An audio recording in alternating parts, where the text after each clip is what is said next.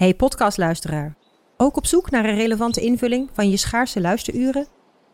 Tune dan in op de podcastserie ESG, even samengevat van BNP Paribas. Wij, Marloes en Aldert, spreken daar duurzame voorlopers en wereldverbeteraars. Waarover dan?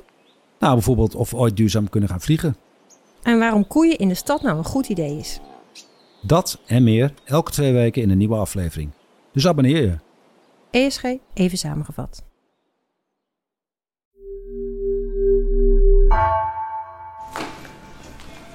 We komen voor de persbijeenkomst met Altawadi. Zijn we dan goed hier? Dit is de hoofdingang, toch? Ja. Het is begin juli, een klein half jaar voordat het WK begint. Ik ben in de Johan Cruijff Arena in Amsterdam. Hassan Altawadi, de baas van de Qatarese WK-organisatie, gaat in gesprek met journalisten en NGO's. Heeft u met één iemand specifiek een afspraak of is het een algemene bijeenkomst? Het is een bijeenkomst met meerdere media en eh, partijen als Amnesty en zo. KNVB is de organisator. Ja. Ah, kijk. Dat iets, iets concreter moeten zijn, ja. De lift brengt ons naar de vijfde verdieping, waar enkele collega's zich al hebben verzameld. Door de glazen deuren, in een donkere vergaderzaal, zien we Hassan Altawadi zitten. Kopje mannen, dicht op elkaar om de tafel. In een soort, eh, ja wat is het?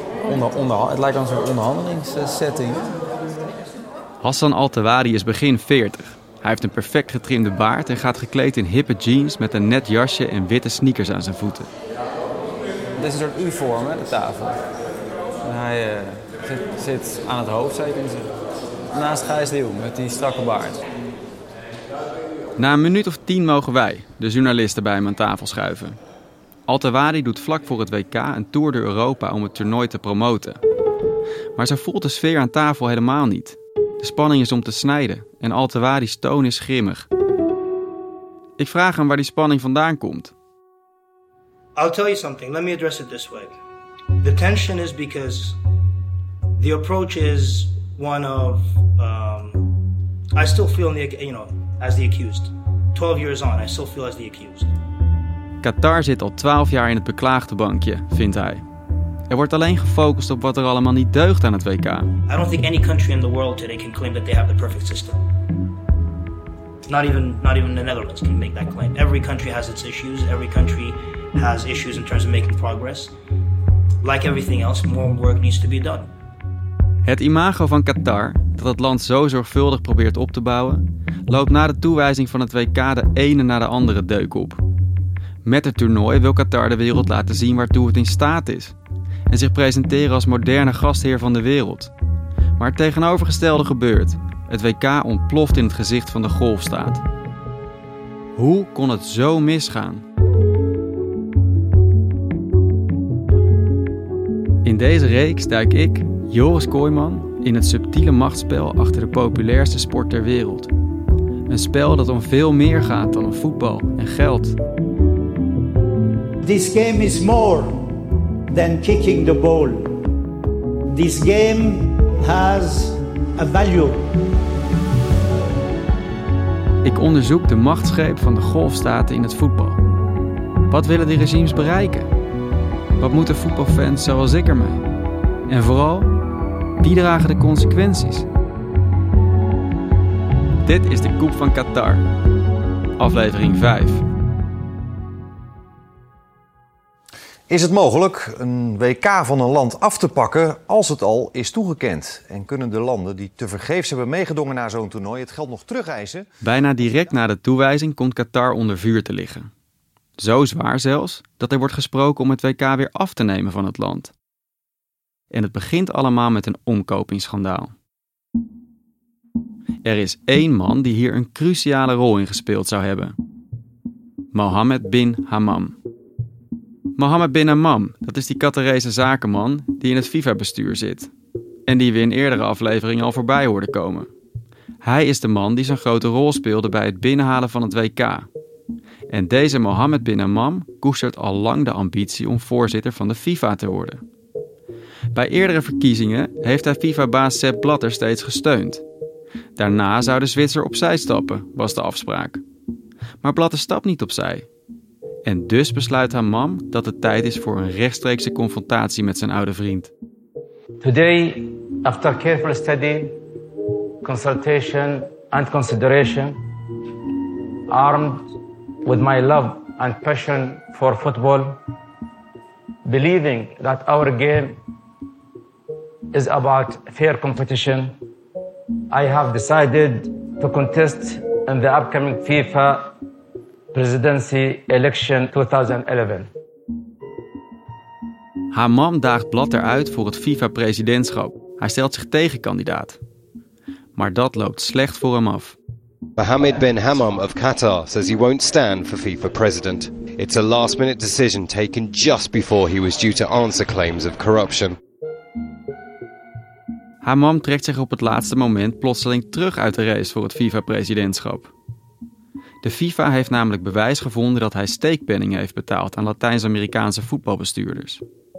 Op een congres op de Caribische eilandengroep Trinidad en Tobago zou hij enveloppen met 40.000 dollar hebben uitgedeeld. Vermoedelijk om stemmen te kopen voor de FIFA-verkiezing.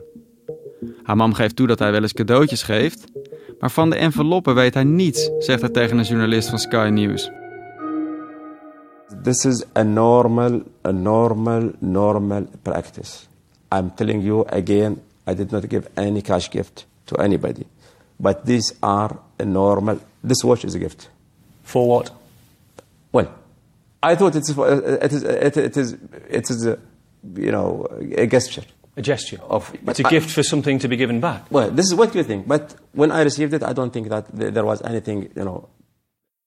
Volgens Hammam probeert Sepp Blatter, zijn oude vriend en nu dus rivaal, hem zwart te maken. Want zo kan Blatter de verkiezingen winnen. Het verhaal over steekpenningen is dus door Blatter de wereld ingebracht, denkt Hammam. Maar zijn verweer is kansloos. Hij wordt door de FIFA voor het leven geschorst. Een van de machtigste voetbalbestuurders ter wereld mag nooit meer iets met de sport te maken hebben. Hij verdwijnt van het toneel en reageert nergens meer op.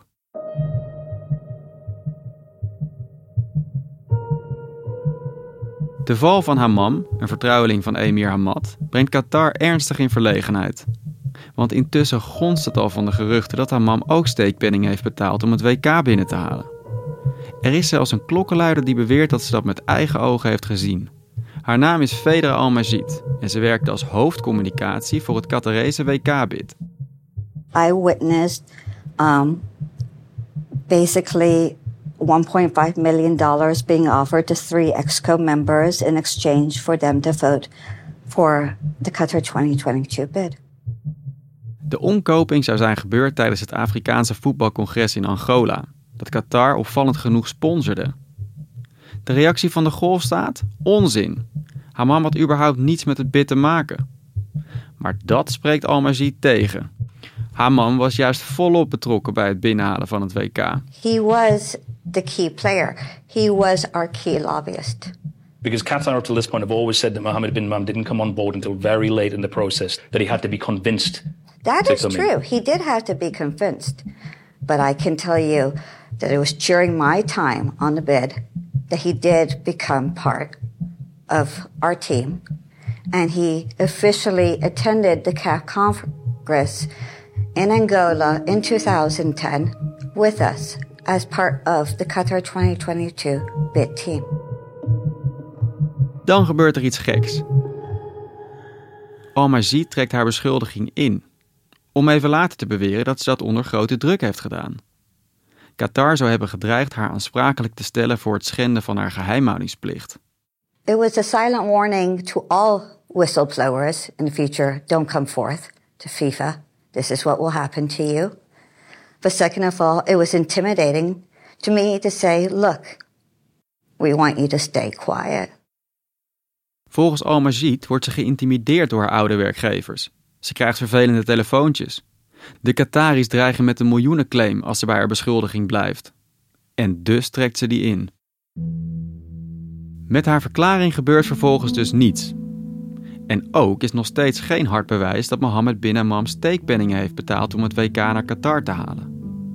Dat verandert in 2014, als journalisten van de Sunday Times een datastick in handen krijgen met miljoenen e-mails en bankafschriften van Hammam. Hiermee reconstrueren ze hoe Hammam voetbalbestuurders heeft gefeteerd, in ruil voor WK-stemmen. Op een congres vertelt een van die journalisten, Jonathan Calvert, over wat ze precies hebben gevonden. What we could see was a huge amount of information about um, uh, Mohammed bin Imam we hadn't appreciated before. And what we could see was through all our documents, we had all sorts of payment slips um, from his company. But he had about 10 slush funds in that company, and he was using it to pay football officials.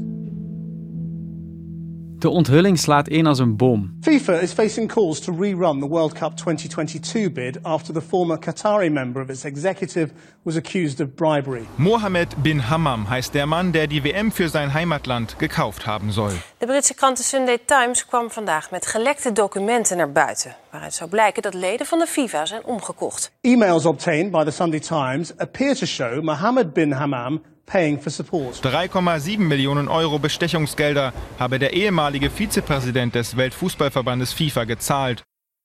De FIFA stelt een onderzoek in, geleid door Michael Garcia, dat is een beroemde aanklager uit New York. Die vindt een spoor van verdachte betalingen. Van Amam dus, maar niet alleen van hem. Zo betaalde een adviseur van Qatar 2 miljoen pond aan de tienjarige dochter van een Braziliaanse FIFA-bestuurder. En toch, het is allemaal geen sluitend bewijs dat Qatar het WK heeft gekocht, concludeert Garcia. Hij kan de verdachte betalingen namelijk niet direct koppelen aan het Qatarese WK-bid.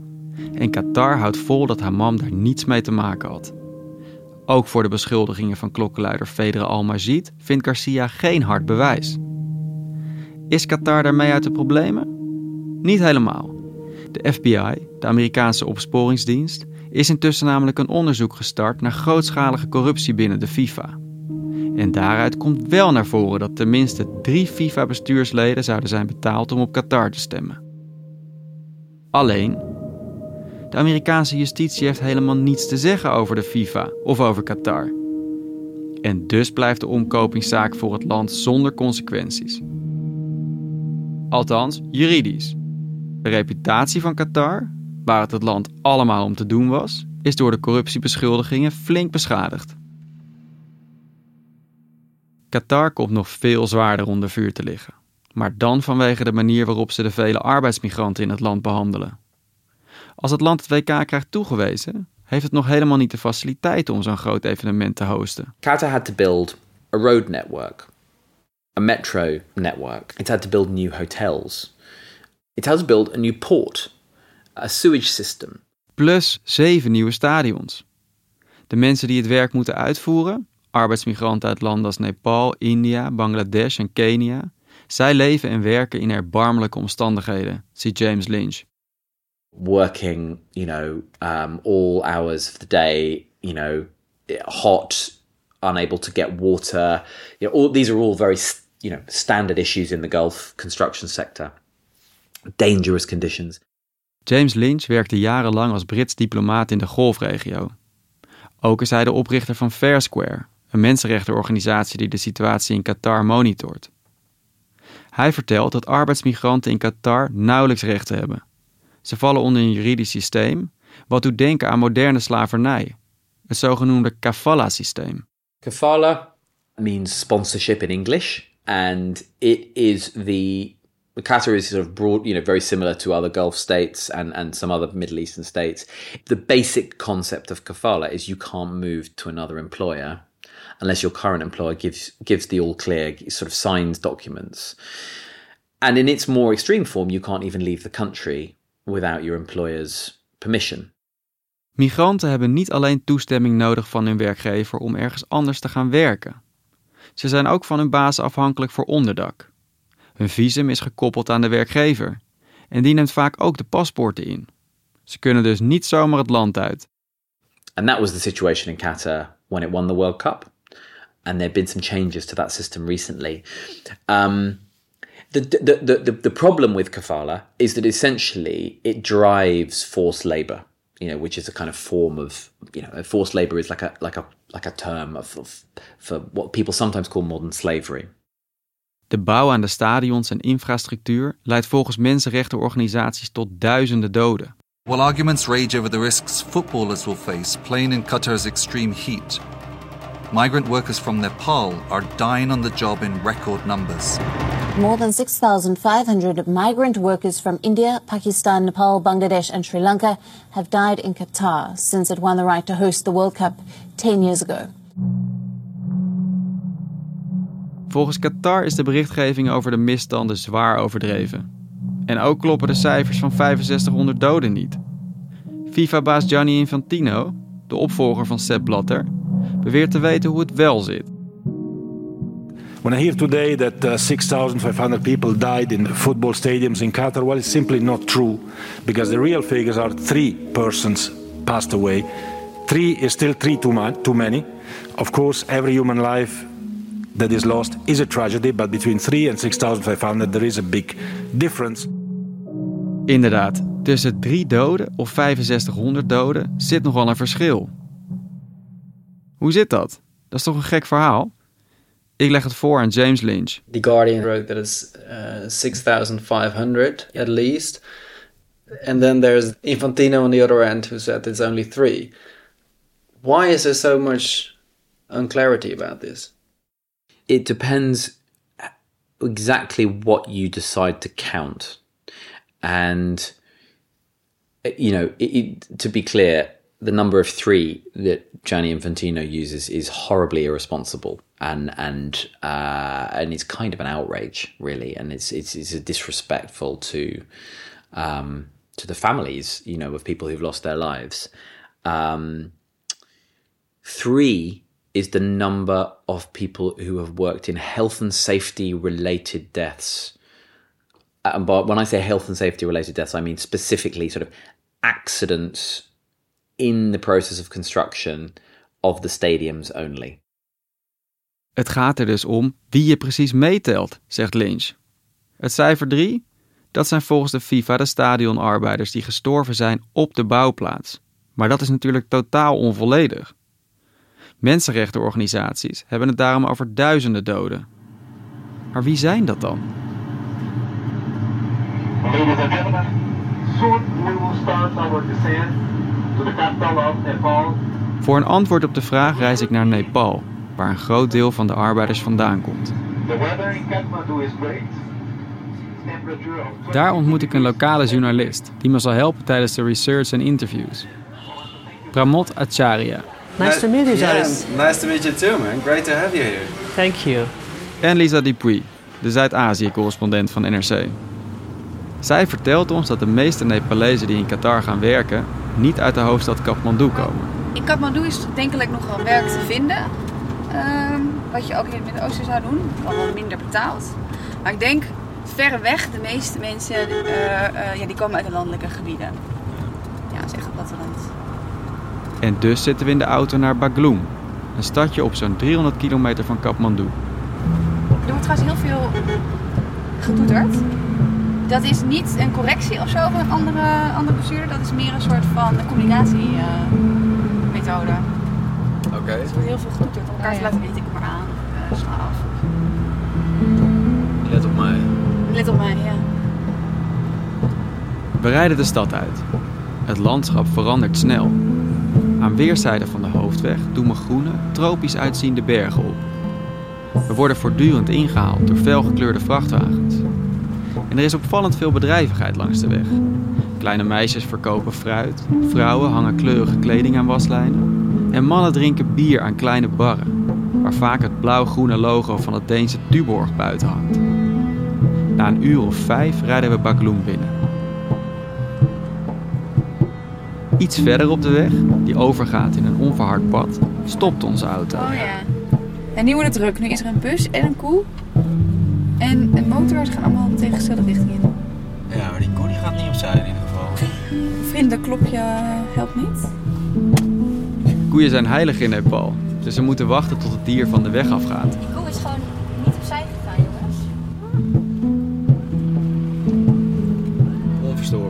Naar zijn stand. Naar haar stand. Precies. Uiteindelijk komen we bij onze bestemming, een arbeidskantoor. Dit is een van de vele regionale kantoren voor Nepalezen die naar het buitenland gaan om te werken. Meestal in de golfstaten. Hier kunnen ze bijvoorbeeld een visum aanvragen. Die kant op? Kantoor is wel een groot woord. Het gebouwtje is één verdieping hoog en bestaat uit een paar kamers, verspreid over het terrein. We installeren ons in één van die kamers, op plastic rode stoelen. Onze fixer, Pramot, legt uit wat de mensen hier precies doen. They come here for to make passports for counseling, and this is where the, the whole process begins. you All know. right. So once they get passports, so once they get training and counseling, all those things, and they they right. proceed further. So when I, if I think I want to go to the Middle East, the first step is go here, come Yeah, here. yeah. Okay. Ook kunnen arbeidsmigranten hier een voorbereidingstraining volgen. Of om hulp vragen wanneer ze een probleem hebben met de werkgever in het buitenland. We blijven die dag bij het arbeidskantoor en wachten in de schaduw. De barometer wijst inmiddels 33 graden aan. Er druppelen steeds wat Nepalezen binnen, die naar de golfstaten gaan of juist terugkomen. Met allemaal verschillende verhalen en ervaringen. Zoals de 24-jarige liftmonteur Bijay, die 3,5 jaar in Qatar werkte. Totdat hij in een liftschacht valt en zijn rugwervels breekt. The two bones on my back were fractured, so there are two metal rods inside my uh, back now. Hij wordt geopereerd, maar keert aanvankelijk niet terug naar Nepal. Hij blijft in Qatar wonen in de hoop dat hij een vergoeding krijgt van zijn werkgever. Het is immers een arbeidsongeval. Tevergeefs. Hij krijgt alleen de eerste twee maanden wat levensmiddelen. Initial, the company would provide food to me, so that way I sustained for two months. Then I used to borrow money from other Nepali workers in Qatar. That's how I survived. Uiteindelijk gaat hij wel terug naar huis. Hij probeert nog steeds de vergoeding te krijgen waarvan hij vindt dat hij recht op heeft. En daarom is hij hier, in het arbeidskantoor, in de hoop dat zij wat kunnen regelen met zijn werkgever. Hij tovert een verzekeringsdocument tevoorschijn waarop staat dat hij omgerekend 8000 euro te goed heeft. Yeah, we have proof, but I haven't got money. I don't know what happened with that. Iedereen hier kent de risico's van het werk in de golfregio. Er wordt ook niet geheimzinnig over gedaan. Als ik hier zo om me heen kijk in het kantoor, zie ik overal posters met noodnummers hangen. Voor als je geen salaris krijgt bijvoorbeeld, als je gewond raakt, ziek wordt of als je paspoort is ingenomen en dus niet weg kan. Je vraagt je af, waarom zou je nog naar Qatar willen? Uit de verhalen die ik hier hoor, begrijp ik dat vrijwel iedereen die van school afkomt de ambitie heeft om naar de golfregio te gaan. Vooral mannen. Mijn collega Lisa vertelt me dat ze vaak geen keuze hebben, omdat ze flink in de schulden zitten. Hoe zit dat? Bij wie gaan ze zo'n lening aan? Veel van de migranten of hun gezinnen, eigenlijk hun familie, zitten in een soort van schuldencyclus. Ehm, er, is, er is hier dus geen werk. Er is hier geen werk en bijna geen geld. Dus als je iets wil, als je misschien eh, een eigen huis wil kopen of bouwen, of, of je wil land kopen zelfs, om, om gewoon voor je eigen gezin eh, iets te kunnen verbouwen, dan moet je waarschijnlijk geld lenen. Het kan niet bij een bank. Nee, wat hier eigenlijk gebeurt is mensen dat, die lenen dat bij de rijkste man of de rijkste familie in de gemeenschap, in het dorp. Dus dat zijn eigenlijk een soort van privé-leningen. tegen een bepaalde flink, flinke rente. Ik zou niet precies weten hoe- hoeveel dat is. Maar in ieder geval kunnen ze die nooit eigenlijk helemaal volledig ooit terugbetalen. Dus ehm, dat leidt er waarschijnlijk toe dat iemand zegt, nou weet je, eh, hetzelfde werk dat ze hier in Nepal doen als het gaat om bijvoorbeeld eh, in de bouw werken. Kun je in Qatar doen, dan verdien je aanzienlijk veel meer geld. Kan betekenen dat je misschien nog iets meer bij moet lenen om, eh, om die hele verhuizing rond te krijgen, je papieren in orde te krijgen, je vlucht in orde te krijgen. En dan vertrek je en dan ga je werken en dan stuur je geld terug. Een van de vele vrouwen die op deze manier geld ontving van haar man uit de golfregio is Karki. De jonge vrouw draagt een peuter in haar armen, terwijl een jongetje van tien aan haar rok hangt. De man van Karki, Barat, is vorig jaar overleden. Hij was pas 32 en hij werkte in de bouw in Qatar. Could you tell us about the day, the 7th of August last of last year? Um, what happened then? त्यो घटना हुँदा त अब के बताइदिन मैले अब खासै थाहा नै भने अब नर्मल कुरा गर्दै हुनु Aan de telefoon bespreekt Barat die avond met zijn vrouw dat hij Qatar wil verlaten. Hij heeft het idee om werk te zoeken in Portugal. Hij gaat naar bed en hij zegt dat ze de dag erna verder zullen praten. on the night he died, about 10 p.m., we were having phone conversation and he was completely okay.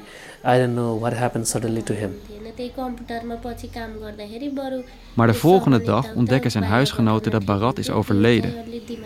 Alleen ze laten zijn vrouw niets weten, volgens Karki om haar te beschermen tegen het verdriet. His coworker switched off the phone and after two days they said like he is hospitalized in ICU. So, it, when did when exactly did you hear that your husband had died? I learned that he was no more after 12 13 days of the incident when the dead body was about to arrive at home. So the dead body was arriving at the brother's home. So all other relatives were calling her, come here. So, and at the time, she was kind of guessing something is wrong with him because it's been 12, 13 days. I haven't had phone conversation with him. And all the relatives were gathering together and she was guessing he is normal. And in fact, she was right. Karki droogt haar tranen af met het mondkapje dat ze in haar hand heeft. Ze blijft achter met een heleboel vragen. Wow. What, what did you learn as to what, what actually hap had happened to him that night? What did they tell you? Nobody explained clearly what happened to him that night, but uh, I heard uh, with other friends who also heard from other people in the in that room. They said like he was about to have dinner, but he didn't eat it at that night, and he was he gone he went for bed, and he never woke up. And when other people see him in the morning, he was lying on the bed as if he was sleeping. So people call it dead in his sleep. Gestorven in zijn slaap? Inderdaad. Op de officiële overlijdingsakte die ze ons toont, staat dat er sprake is van acuut hartfalen. Maar er wordt verder geen onderzoek gedaan in Qatar, ook niet in Nepal. Met dit antwoord moet Karki genoegen nemen. De overlijdensakte zoals Karki die krijgt van haar man is inmiddels bijna een standaard document. Nabestaanden van arbeidsmigranten in Qatar krijgen steeds hetzelfde bericht. Uw man is gestorven als gevolg van acuut hartfalen. Qatar onderzoekt namelijk niet of nauwelijks doodsoorzaken. In hoeverre overlijdens te maken hebben met de zware werkomstandigheden, blijft daardoor onduidelijk. En dat is ook een belangrijke reden waarom er zoveel discussie is over het aantal gestorven arbeidsmigranten. Zo komt FIFA-baas Infantino aan die drie gestorven arbeiders. Hij rekent alleen doden als gevolg van ongelukken op de bouwplaats. Well, it's simply not true, because the real figures are three persons passed away. En dan ook nog eens uitsluitend arbeiders die aan de stadions werkten.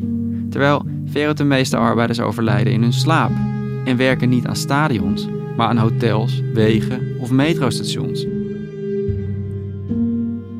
Your son is 13 years old. And what would you say if one day he came to you and, and he said he wanted to move to the Middle East to work? I won't send him. He's not allowed.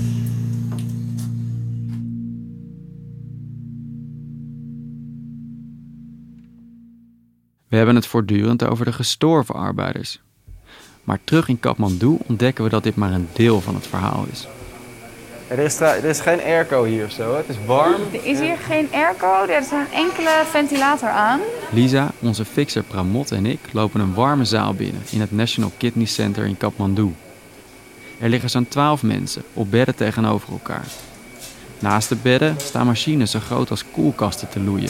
En het gezoem dat je hoort, dat is, uh, dat is het dialyseapparaat. Dus er liggen dag in, dag uit mensen die komen hier voor een dialyse.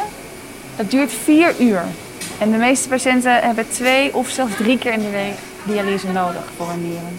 Oké. De patiënten liggen rustig. De een kijkt een filmpje op zijn telefoon, de ander eet een gekookt ei. En weer anderen slapen wat. De verplegers zitten samen in het midden van de zaal en hebben hun handen vrij. Tot de wissel van de wacht. Zometeen uh, is deze shift afgelopen. Dus dan zit voor al deze mensen tegelijkertijd die vier uur dialyse erop. Ja. En dan moeten de bedden verschoond.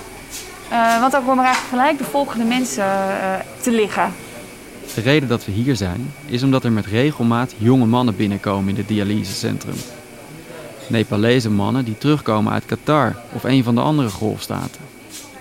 Onze vertaler, Pramod, wijst naar een jonge man op een bed die net uit Qatar komt. The guy I just met uh, uh, has returned from Qatar. He was working in the construction sector there. We lopen naar de jongen toe. Good afternoon. My name is Joris. Nice to meet you. Pramod told me that uh, you've been working in Qatar before. What, what kind of work did you do there? De 29-jarige Tapa werkte in de bouw. Hij ligt op zijn bed met bevlekte lakens en heeft een wit Adidas sportshirtje aan. Zijn krukken staan in de hoek. Hij praat zacht, soms met Engelse woordjes tussendoor. Hij vertelt hoe hij in de zomer in 52 graden Celsius moest werken, uren achter elkaar. Met weinig pauzes en vies slecht water. Uiteindelijk komt hij terug naar Nepal. En een paar jaar later krijgt hij plotseling klachten. Opgezwollen benen, overgeven, gewichtsafname. Hij voelt zich niet fit. En toch meldt Tapa zich aan om opnieuw in het buitenland te gaan werken. Ditmaal in Maleisië. Als hij een verplichte medische test ondergaat, zijn de resultaten niet goed. Hij heeft afwijkende urinewaarden. And by that time he realized that his have failed. Tapa komt inmiddels drie keer per week vier uur lang naar de kliniek voor zijn gratis dialyse. Dat houdt hem op de been. Voorlopig. Hij heeft binnen een paar jaar een nieuwe nier nodig. Werken lukt niet meer. Hij ziet zelf een verband met het zware werk dat hij heeft gedaan in Qatar. Maar is dat er ook? Ik vraag het aan een nierspecialist van het centrum, Rishi Kafle. There is some, some, some scientific work being done. Uh, this shows that uh, there is some link. It seems that number of such patients is increasing. And on top of it, it seems that if 800 to 900 patients are on dialysis at National Kidney Center, you will find that 80 to 90 were from the Gulf. Het is steeds hetzelfde verhaal. Kerngezonde jongens worden ziek als ze terugkomen uit de golf. A healthy young worker. He wants to be a worker. He is selected. He goes to the Gulf area. So here in Nepal, he is screened. He is healthy. Again, in Gulf countries, medical checkup done, and he is found healthy. Young boy comes back and then says that I have developed kidney failure. Please provide me dialysis. Dr. Kafle houdt een kleine slag om de arm, omdat er nog weinig wetenschappelijk onderzoek is gedaan naar nierfalen onder arbeidsmigranten. Maar een recente studie wijst wel degelijk op een verband tussen de chronische ziekte en zware werkomstandigheden in de golf. Een verband dat al eerder is aangetoond onder arbeidsmigranten op suikerplantages in Zuid-Amerika.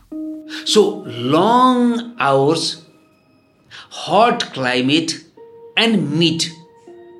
They started eating more meat. If we suspect some dehydration, some some sort of dehydration, so they were concentrated on the work. So less uh, intake of the fluid was arranged. Dus de hitte, lange werkdagen, te weinig drinken. En waar ik eerder nooit bij stil stond, de arbeiders krijgen ook ineens een heel ander dieet. Ze eten daar veel meer vlees dan ze in Nepal gewend zijn en ze drinken meer frisdrank. Dit alles kan op langere termijn dus nierfalen tot gevolg hebben. Wat betekent dat eigenlijk voor een jonge vent als zijn nieren het niet meer doen? Als hij niet meer kan werken en dus geen geld voor de familie verdient? Ik ga langs bij Amit in een buitenwijk van Kathmandu. Onze auto is zojuist gestopt voor een woning in een drukke buurt die op een heuvel is gebouwd. Spelende kinderen kijken ons nieuwsgierig aan, terwijl een oudere dame juist onverstoorbaar doorgaat met het wassen van een berg kleding. Met de hand schrobt ze vieze kleren in de ene tuil en spoelt ze schoon in de tweede. Uh, probably You here? He's, I think, or we can sit We can sit on the here. floor, and he's gonna sit there. Amit zit op een eenpersoonsbed in een kleine kamer. Er tegenover staat een ander bed. Hij gebaart dat ik daar kan gaan zitten. Er liggen oude tapijten op de vloer waarop de moeder van Amit gaat zitten, schuin achter ons. En af en toe gluurt Amit's zesjarige zoontje via een raam naar binnen. Well, again, thanks for uh, for having us, and um, we are we're very curious to hear hear your story. Um, we'll talk in English. Pramod will translate for us. Amit knikt. Met zijn zwarte pet op en zijn tengere lichaam lijkt hij veel jonger dan 26 jaar. Op zijn linker onderarm zie ik eerst een grote tattoo van Boeddha. Maar als ik iets langer kijk, valt me op dat daaronder een lang, bobbelig buisje zit. So that it's easier to insert the pipe for the dialysis. Want ook Amit gaat drie keer per week vier uur lang naar het dialysecentrum. En dat heeft alles te maken met zijn werk als gastarbeider in Qatar, denkt hij. So I, I was I was healthy before going to Qatar, and uh, the only the problem began when I came here, and uh, after one and a half year, when I returned, then my problem began. Als hij ruim vijf jaar geleden naar Qatar gaat, is er niets aan de hand met zijn nieren. Hij gaat er aan de slag in de bouw, onder andere als timmerman in een van de stadions. I also worked in the stadium for three months as a carpenter. De werkdagen zijn lang. What did a working day look like for you? We would often take breakfast uh, at five in the morning. Then we leave for the work, and our work starts around 7 a.m. in the morning, and we continue to working up to 11. Then for one hour we would have lunch break, and uh, even in the lunch break, uh, uh, there would happen a lot of workers. So we would have to wait a couple of minutes to get our food in the mess. So uh, we would just get 10 15 minutes for rest during the lunch break. Then we began uh, working again around, uh, around 12 and continued working up to 6 in the evening. So that's also during the hottest hours of the day, if I understand it well. Yeah.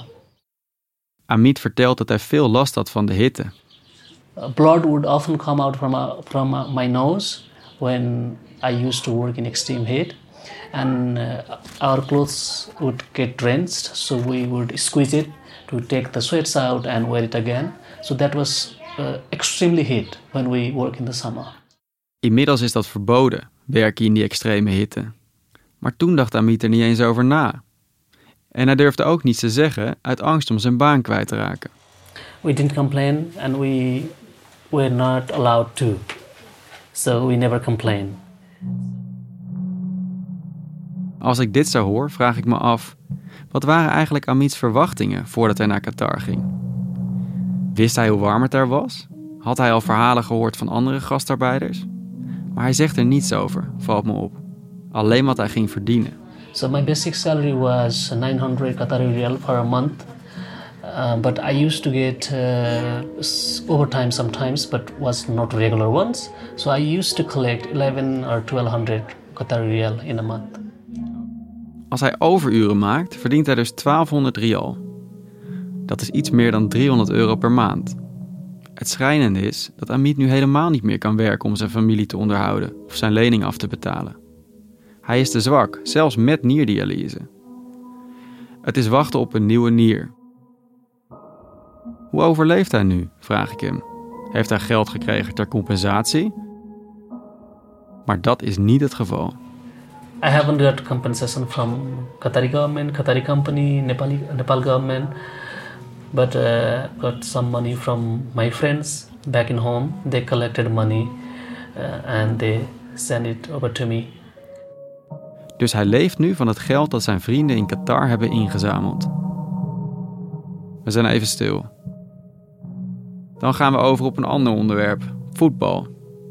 Want ondanks alles wat hem is overkomen, zit Amit straks voor de tv als het WK begint, vertelt hij lachend. So what is the team you're going to support, Amit? Uh, Ronaldo, Messi. Als ik tot me laat doordringen hoe Amit's leven er nu uitziet, ontroert het me hoe weinig woede er doorklinkt in zijn verhaal. Hij vertelt het bijna gelaten, alsof het gaat om een risico dat hij bewust heeft genomen: ziek worden van het werk in de golf. Terug in het hotel praat ik erover met Lisa. Zij is minder verbaasd over Amit's gelatenheid. arbeidsmigratie naar de golf en alle risico's die daarbij horen, zijn zo vanzelfsprekend in Nepal. Nepal is volgens mij tussen een kwart en een derde afhankelijk van remittances. Als je kijkt naar het uh, nationaal product of wat er binnenkomt in een jaar. Dus dat houdt hier gewoon de economie draaiende. Ze kunnen ook echt niet zonder. Nee, dus het vormt in die zin gewoon een heel belangrijk onderdeel van hoe Nepal als staat, als land gewoon draait. Arbeid is, cru gezegd, het belangrijkste exportproduct van Nepal. Naar schatting 3,5 miljoen Nepalezen werken in het buitenland, vooral in de golfstaat. Dat is zo'n 14% van de totale bevolking. En dat maakt ook dat het zo moeilijk is voor het land om kritiek te leveren op de golfstaten. Nepal is tegelijkertijd inderdaad zo afhankelijk van mensen die naar buiten gaan en geld terugsturen, dat je niet heel sterk staat. Want het is arbeid die door heel veel mensen kan worden verricht, heel veel ongeschoolde mensen kan worden verricht. Dus Um, dus ze willen die positie ook niet verliezen? Je wil die positie ook niet... Nou, dat, precies. Dus, dus Nepal zal niet het eerste land zijn dat Qatar of golflanden aanspreekt op het naleven van mensenrechten of arbeidsrechten of zo. Die internationaal misschien wel worden, hè, als de norm worden gezien. Omdat als er geen Nepalezen gaan, er ook nog uh, nou ja, misschien miljoenen Maleisiërs of uh, Filipino's of zo uh, dan maar in aanmerking komen als je eisen gaat stellen, dan nemen we ze toch niet. Dan, uh, dan gaan we toch een overeenkomst sluiten met een ander land.